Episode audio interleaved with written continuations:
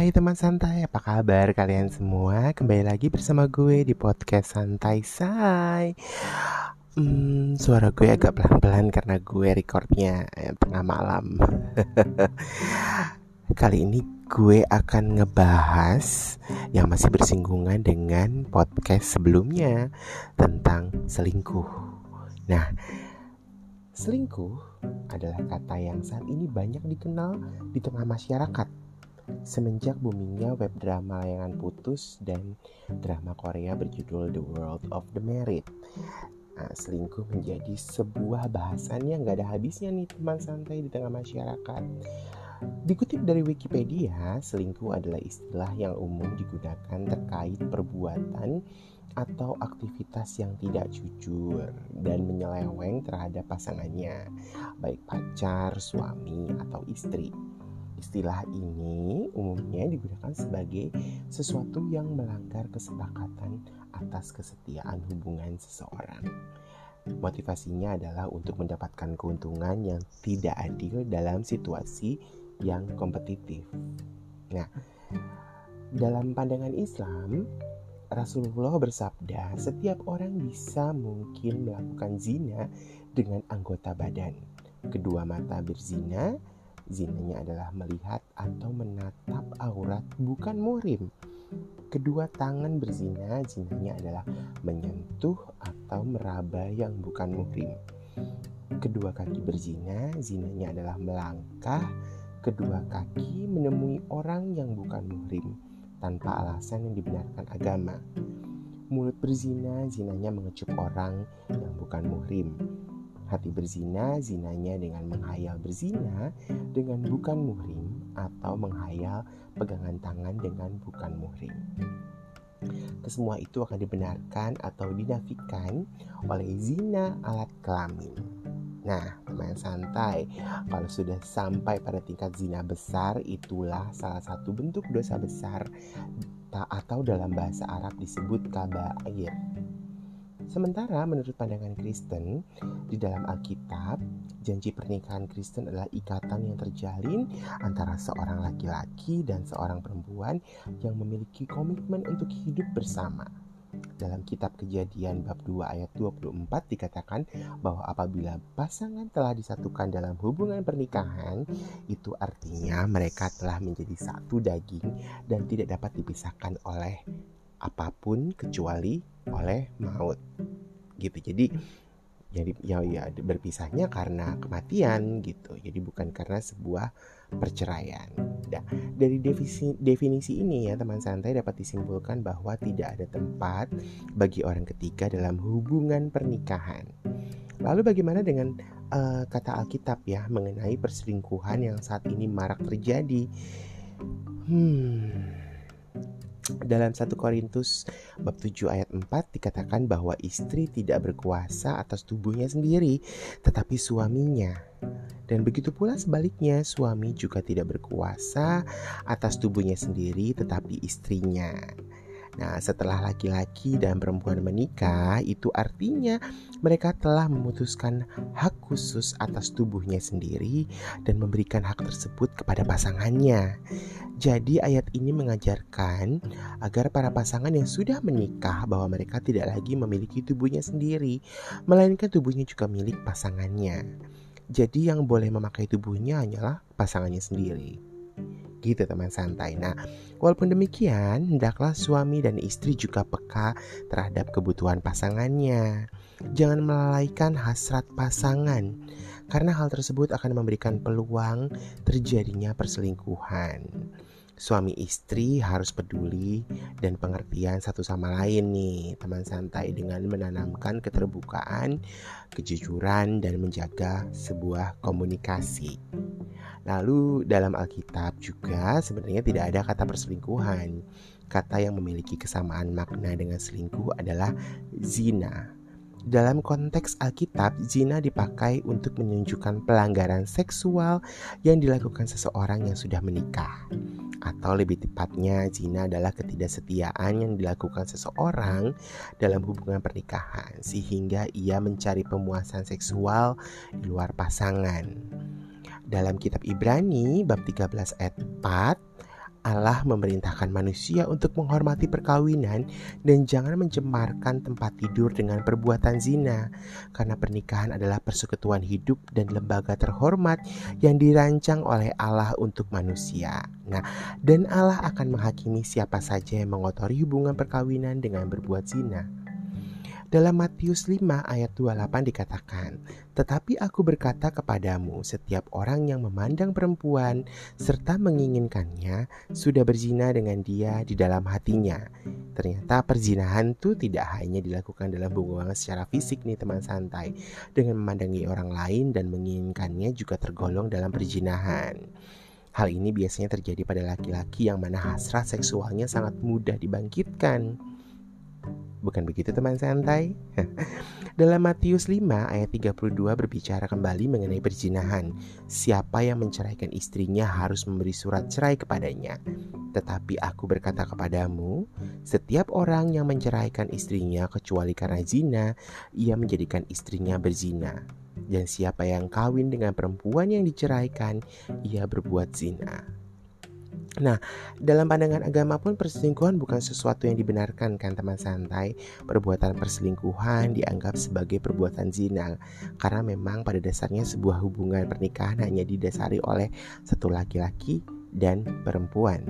Selingkuh adalah perilaku yang dianggap melanggar komitmen sebuah hubungan yang pada akhirnya berimbas melukai rasa percaya dalam sebuah hubungan romantis yang sudah disepakati bersama. Teman santai, batasan selingkuh setiap pasangan bisa sangat berbeda, tergantung pada komitmen hubungan mereka masing-masing. Contohnya nih, bila seorang istri menganggap suaminya telah berselingkuh karena telah menonton film porno, atau seorang suami yang menganggap istrinya telah melakukan hubungan seksual dengan laki-laki lain penting untuk membicarakan batasan komitmen dalam hubungan setiap pasangan untuk menghindari rasa dikhianati karena perilaku yang melanggar batasan dalam berpasangan. Batasan tentang perselingkuhan bisa berbeda, teman santai. Ada tiga kriteria yang bisa dijadikan batasan selingkuh. Adanya ketertarikan fisik. Perselingkuhan biasa diawali dengan ketertarikan fisik pada lawan jenis yang bukan pasangan resmi. Hal yang wajar jika ada ketertarikan terhadap seseorang yang terlihat ganteng atau cantik. Hal ini akan menjadi berbahaya jika digabungkan dengan indikator lain, yaitu kedekatan emosional dan kerahasiaan. Bila ketertarikan fisik ini berlanjut menjadi kedekatan emosional dan kemudian dirahasiakan dengan pasangan resminya atau pasangan sesungguhnya, maka terjadilah perselingkuhan. Yang membedakan antara lawan jenis yang menjadi sahabat dengan selingkuhan adalah kerahasiaan, di mana hubungan persahabatan tentunya tidak akan dirahasiakan dari pasangan yang sesungguhnya. Selingkuh pada dasarnya tidak harus melibatkan kontak fisik atau hubungan seksual. Saat ini banyak orang yang mudah mendapatkan teman tapi mesra melalui aplikasi online atau chat room di internet. Nah, teman santai, Secara garis besar ya terdapat dua jenis perselingkuhan yaitu selingkuh hati atau emotional infidelity dan selingkuh fisik atau sexual infidelity. Contohnya adalah hubungan teman tapi mesra merupakan selingkuh hati. Sementara selingkuh fisik tidak selalu disertai dengan kedekatan emosional, seperti hubungan seks dengan pekerja seks komersial. Namun dapat juga terjadi selingkuh hati yang berlanjut kepada selingkuh fisik dan sebaliknya. Teman santai, banyak orang beranggapan selingkuh adalah hal yang wajar. Lingkungan sosial yang secara tidak langsung mendukung perbuatan perselingkuhan membuat tindakan selingkuh merupakan hal yang wajar. Lingkungan sosial tersebut bisa didapatkan dari keluarga hingga lingkungan pergaulan sosial di luar keluarga beranggapan bahwa berkencan semalam dengan orang lain adalah hal yang wajar karena sebuah kebutuhan dalam pergaulan sosial. Nyatanya, hal tersebut melanggar komitmen yang sudah dibuat seseorang terhadap pasangannya. Banyak orang berselingkuh memiliki banyak alasan, di mana salah satu pasangan tidak dapat diandalkan untuk memenuhi kebutuhannya atau kurangnya komunikasi yang baik dalam hubungan sehingga salah satu pasangan merasa tidak direspon dengan baik. Ketika ia bercerita, bercerita atau mengeluhkan satu hal gitu. Jadi ketika pasangan tidak merespon ketika ia um, seseorang nih bercerita kepada pasangannya terus nggak merespon dengan baik ya itu mungkin menjadi, menjadi satu alasan orang untuk berselingkuh Hal ini mengakibatkan timbulnya sikap menjauhkan diri teman santai, di mana membandingkan pasangan dengan orang lain adalah tindakan yang sering terjadi baik disadari atau tidak. Dan ketika konflik ini terjadi dan salah satu pasangan bisa memahami dan memberi lebih kepada dirinya, maka perselingkuhan akan terjadi. Selingkuh mampu membuat kecanduan loh teman santai bagi pelakunya. Jadi selingkuh mampu menguji adrenalin seseorang. Ketika melakukan perselingkuhan, ada kepuasan tersendiri saat melakukannya. Ketika seseorang bisa melalui tantangan tersebut, ia akan merasa bahagia karena sudah melalui itu semua. Kepuasan itu didapatkan terlebih lagi bila perbuatan selingkuh tidak ketahuan sama sekali. Rasa bersalah, takut, dan was-was menjadi sebuah tantangan tersendiri bagi pelakunya. Ada rasa bahagia dan puas ketika perselingkuhan yang dilakukan tidak ketahuan oleh pasangannya. Teman santai, perbuatan selingkuh dapat dilakukan kembali jika seseorang sukses melakukan perselingkuhan yang pertama. Sama seperti kecanduan, perbuatan selingkuh akan dilakukan kembali karena perbuatan selingkuh yang pertama berhasil dilakukan tanpa ketahuan. Nah, memiliki dua pasangan dirasakan memiliki perhatian yang lebih. Kekurangan dari pasangannya akan ditutupi oleh selingkuhannya, sehingga orang tersebut akan merasa bahagia dan tidak akan melepaskan sensasi perselingkuhan tersebut. Jadi, teman santai, ternyata hubungan yang dilakukan secara diam-diam lebih seru kan? Dan menyenangkan untuk dilakukan. Nah, rasa ketegangan dan ketakutan yang memacu adrenalin tersebutlah yang menyenangkan bagi mereka yang melakukan perselingkuhan. Ibaratnya ketika seseorang memiliki hobi kegiatan ekstrim ya, seperti panjat tebing atau bungee jumping, tentu memacu adrenalin yang membuatnya candu untuk melakukan lagi dan lagi. Karena kegiatan tersebut dianggap sebagai petualangan yang menyenangkan dan membuat bahagia. Selain itu, teman santai banyak kasus perselingkuhan terjadi karena menganggap orang lain lebih menarik dari pasangannya sendiri meskipun pasangannya memiliki fisik yang lebih rupawan. Seseorang yang bukan miliknya, semua akan terlihat lebih menarik. Meskipun pasangan resminya jauh lebih menawan dari selingkuhannya. Memang, bagi mereka yang berselingkuh, selingkuhan akan jauh lebih menarik di matanya. Banyak juga yang terjadi ketika istrinya memiliki fisik rupawan, namun selingkuhan suaminya sangat biasa aja atau tidak lebih rupawan dibanding istrinya. Saling percaya adalah salah satu elemen dari hubungan berkomitmen. Perselingkuhan mencederai kesetiaan akan hubungan. Tidak hanya mendatangkan kesedihan, pasangan yang selingkuh dapat menyebabkan perpisahan, memicu gangguan kesehatan mental, serta mendatangkan depresi dan kecemasan. Perselingkuhan itu bukan hanya didasari atas hasrat untuk berhubungan seksual dengan pasangan yang lebih menarik atau menantang saja. Justru salah satu alasan utama seorang pria berselingkuh karena kurangnya kedekatan emosional dengan pasangan. Jika pasangan kurang dalam kedekatan emosional, maka resikonya lama-kelamaan pasangan dapat menjadi kurang menghargai keberadaan satu sama lain. Nah, Kurangnya rasa penghargaan inilah teman santai yang kemudian menjadi salah satu kunci utama seorang pria membangun kedekatan emosional dengan orang lain yang bisa memberikannya penghargaan. Teman santai berbeda dengan pria ya. Jika pada wanita, nih ya, teman santai perselingkuhan sering bermula dari perasaan sendiri, tidak bahagia, dan merasa diabaikan oleh pasangan. Jadi pada dasarnya wanita menginginkan sosok yang mengaguminya sehingga ia merasa menarik.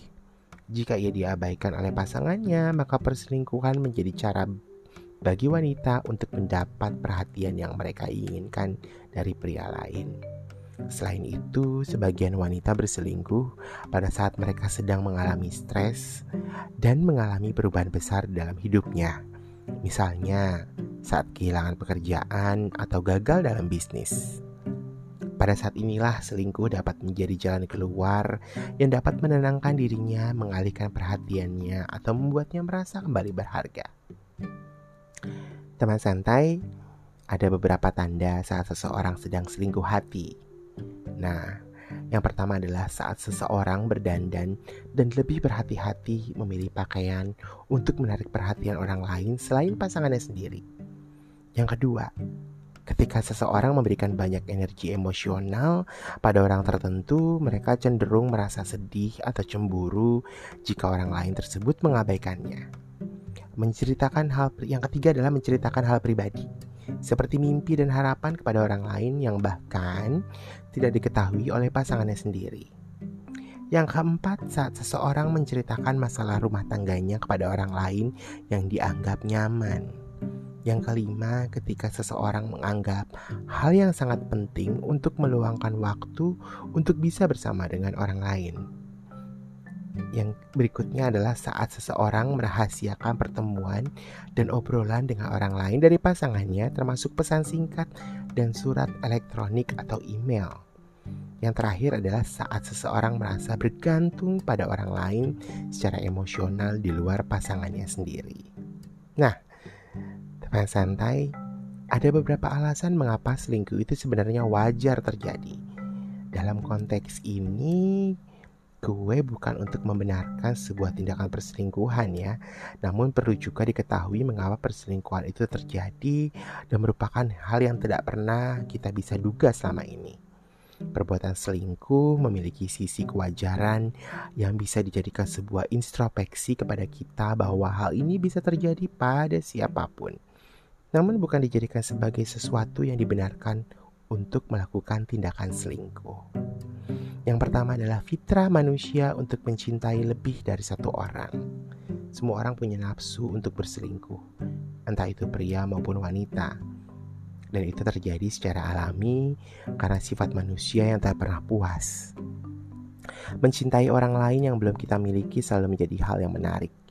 Sayangnya, untuk memenuhi nafsu itu, akan ada perasaan dan cinta seseorang yang dikorbankan. Di sinilah kesetiaan dalam komitmen diuji. Apakah menyerah pada naluri yang timbul akan perasaan tak pernah terpuaskan? Hmm. Yang berikutnya, rumput tetangga memang selalu terlihat lebih hijau. Pacar teman sendiri atau justru teman kita sendiri yang masih sendiri atau single ya, terkadang lebih menarik dibandingkan pasangan kita sendiri. Begitu nggak kira-kira teman santai? Ini bukan hanya dalam satu hubungan cinta aja ya, dalam semua bidang kehidupan kita akan selalu merasakan hal-hal seperti ini. Yang berikutnya, tak ada hubungan yang sempurna dan celah-celahnya begitu menggoda untuk mendua. Hampir tidak ada hubungan yang berjalan mulus teman santai dari awal, terutama setelah menikah pasti akan ada pasang surut dan celah-celah yang muncul dan di situlah ada rasa tertarik untuk masuk ke dalam lubang gelap perselingkuhan. Padahal dapat dikatakan bahwa sudah tidak cinta lagi kepada pasangan, tetapi ada kebutuhan sebagian pengalihan sementara. Jika sudah merasakan hal seperti ini, seharusnya kita bisa melihat akar masalah dalam hubungan dan mengatasi dengan cara yang lebih sehat. Orang baru selalu bermunculan dan pasangan masih begitu-begitu aja. Entah itu di tempat kerja, komunitas, kampus, atau di mana pun akan selalu ada orang-orang baru yang lebih menggoda dari pasangan kita sendiri. Kemudian memunculkan pikiran bagaimana jika ternyata pasangan kita saat ini bukanlah jodoh kita yang sebenarnya. Bagaimana jika sebenarnya pasangan kita ditakdirkan dengan orang lain? Namun perasaan belum bisa melepas pasangan saat ini ada. Hmm. Manusia selalu ingin dicintai. Tak cukup oleh satu orang saja. Seperti halnya mencintai satu orang saja tak cukup, manusia juga ingin dicintai oleh banyak orang. Kurang rasanya kalau hanya dicintai oleh satu pasangan aja. Hal ini berakibat sulit menahan godaan untuk menegaskan pada kekasih gelap bahwa diri kita sudah mempunyai pasangan yang dicintai. Kita akan takut untuk kehilangan selingkuhan. Bisa saja dalam pikiran kita untuk menyusun rencana menjadikannya sebagai cadangan kalau-kalau hubungan dengan pasangan kandas di tengah jalan. Cinta memang terkadang membingungkan. bagaimana jika kita masih mencintai pasangan kita, namun juga memiliki rasa cinta yang sama terhadap orang lain? Entah dari mana perasaan itu datang, kita mungkin saja tidak tahu. Pada kenyataannya, kita sebenarnya tak ingin menyakiti siapa pun. Cinta memang serumit itu teman santai, jadi kita sendirilah yang harus memutuskan mana yang terbaik saat ini juga. Jangan menunggu kalau sudah terlambat, karena bisa saja kita akan kehilangan keduanya, pasangan kita, dan selingkuhan kita. Selingkuh selalu bisa menjadi pengalihan masalah, mengatasi masalah dengan masalah baru lebih tepatnya. Bagaimana akan ada persoalan baru yang muncul jika kita ketahuan selingkuh. Jangan berharap setelah masalah sebelumnya, entah itu masalah keluarga, keuangan, atau apa pun, terselesaikan dengan selingkuh. Tak akan muncul masalah lain. Justru, selingkuh akan menjadi masalah baru dalam kehidupan. Ujian terbaik dalam satu hubungan bisa jadi adalah perselingkuhan. Terkadang kita baru menyadari bahwa seseorang itu sangat berharga setelah kita kehilangan. Tidak heran jika banyak orang memanfaatkan perselingkuhan sebagai ajang balas dendam untuk membawa seseorang kembali kepada diri kita. Dan mungkin saja pasangan kita sudah terlebih dahulu berselingkuh. Ketika selingkuh hanya sekedar menghapus rasa penasaran, orang-orang yang suka sensasi biasanya penasaran dengan hal-hal yang menantang, seperti berselingkuh. Setelah mencobanya, mereka tidak akan penasaran lagi karena tantangan tersebut sudah berhasil mereka hadapi. Namun tanpa disadari, rasa penasaran seperti ini bisa menyakiti perasaan pasangan yang sudah tulus mencintai. Jika ada baiknya pikiran tersebut terlebih dahulu. Pikirkan baik-baik terlebih dahulu teman santai sebelum mencari kepuasan sensasi. Jadi teman santai penting sekali memahami mengapa pasangan kita selingkuh apa yang ia pikirkan dan rasakan, apa makna perselingkuhan baginya juga bagi kita, apa yang membuatnya mau kembali atau pisah. Baru setelah itu kita dapat mengambil keputusan lanjut bersama atau berpisah. Jika pasangan yang selingkuh menunjukkan indikasi meminta maaf, mampu melihat sisi positif dari pasangan, mau berubah, dan mau mencari bantuan dengan bantuan konseling pasangan maka kita masih ada jalan terang untuk melanjutkan dan memperbaiki hubungan dengan pasangan. Carilah psikolog atau konselor yang terlatih menangani kasus perselingkuhan. Lalu ikutilah proses tersebut berdua. Akan tetapi, jika salah satu pihak menolak untuk terbuka, maka sudah saatnya memikirkan rencana lainnya, yaitu berpisah. Salam santai, say.